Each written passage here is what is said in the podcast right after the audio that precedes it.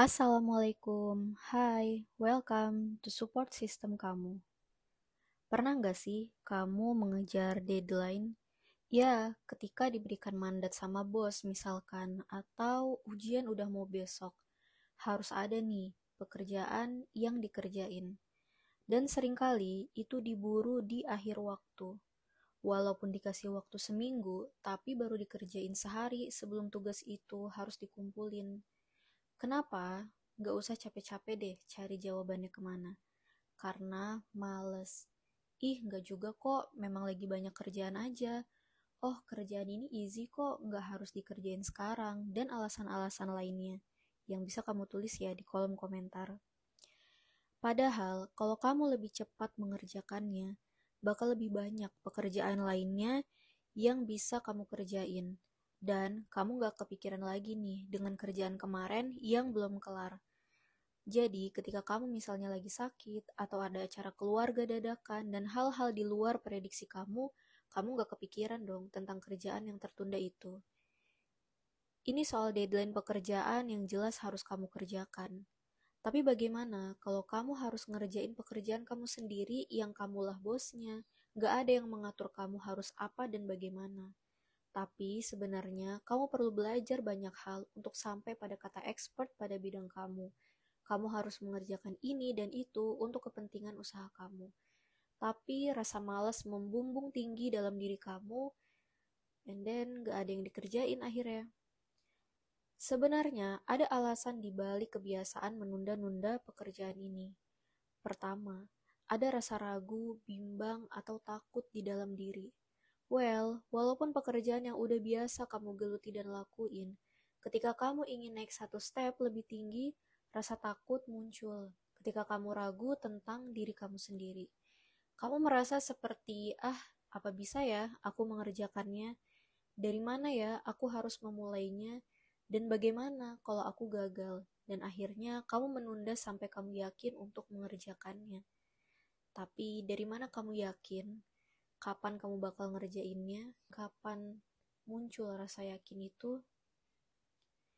Rasa takut normal terjadi pada manusia ketika hal itu dirasa mengancam atau membuatnya tidak nyaman.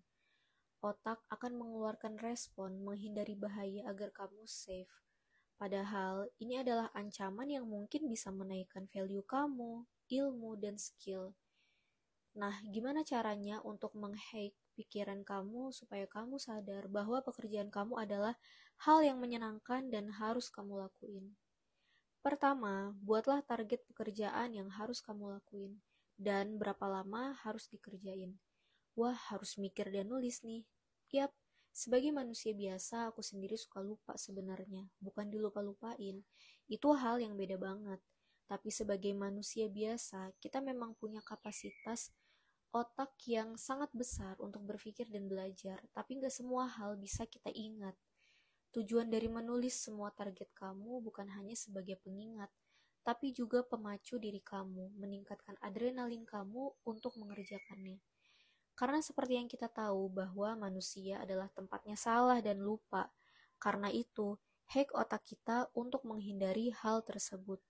Dan gak pakai alibi kata lupa atau males, karena memang udah ada target dan waktu nih yang udah ditetapin gitu. Masih ingat gak podcast aku tentang the power of kepepet? Ketika adrenalin meningkat di waktu yang terbatas, kita sebagai manusia biasa jadi punya kekuatan superpower gitu, sehingga bisa mengerjakan pekerjaan dalam waktu yang sangat terbatas. Dan seolah otak kita dipush lebih kuat, walaupun magernya nauzubillah. Dan pada akhirnya selesai juga pekerjaan itu. Nah, dengan cara menjadwalkan pekerjaan ini, bisa membantu menghack pikiran kamu untuk cepat dan sigap mengerjakannya. Setelah semua pekerjaan kamu beres, percaya saya bakal ada rasa satisfied atau puas. Muncul keberhasilan dalam diri, mulai dari hal-hal yang kecil sampai akhirnya kamu bisa melakukan keberhasilan yang besar. Lakukan kebiasaan ini selama dua bulan pertama, dan kamu lihat bagaimana efeknya untuk kehidupan kamu. Ini juga berlaku bukan hanya untuk pekerjaan ya, tapi juga untuk membangun kebiasaan yang lebih baik atau yang lebih sehat. Berikan alasan-alasan yang bisa diterima akal pikiran kamu. kalau kamu mengubah kebiasaan kamu menjadi lebih baik. Pikirkan, wah kalau aku lebih pintar, karirku juga bakal semakin baik. Wah kalau aku rajin, lebih banyak pekerjaan yang bisa terselesaikan. Wah kalau aku memulai hidup sehat, maka aku akan lebih banyak memanen kebaikan sampai tua nanti. Secondly, nothing to lose. Memikirkan kegagalan akan menjadikan kita gagal, sebaliknya memikirkan kesuksesan akan membuat kita sukses. Sukses dan gagal itu sendiri adalah persepsi. Gimana kamu melihat diri kamu? Kalau kamu berpikir kamu sudah sukses, apa perlu kamu menerima pendapat orang lain tentang diri kamu? Nah, hal inilah yang harus mulai kamu bangun, yaitu berpikir bahwa kamu udah sukses, nggak peduli dengan pendapat siapa pun tentang kamu kata kamu itu yang paling benar. Bangun sebanyak-banyaknya citra positif tentang diri kamu sendiri. Kebohongan yang diulang-ulang aja bakal menjadikan itu kebenaran loh. Musuh yang terberat bukanlah orang lain, tapi musuh di balik selimut, yaitu diri kamu sendiri. Siapa yang berhasil mengalahkan tantangan besar abad ini? Ya, mereka yang berhasil menaklukkan dirinya sendiri dulu mulai dari langkah kecil mengubah kebiasaan lama menjadi kebiasaan baru yang lebih baik. Sebagian manusia nggak suka dengan rutinitas. Nah, bagaimana untuk belajar menyukainya? Ini adalah langkah yang ketiga, yaitu buatlah trigger point. Misal, memulai dengan aktivitas baik apa sih yang kamu sukai di pagi hari setelah menulis jurnal atau target di hari itu.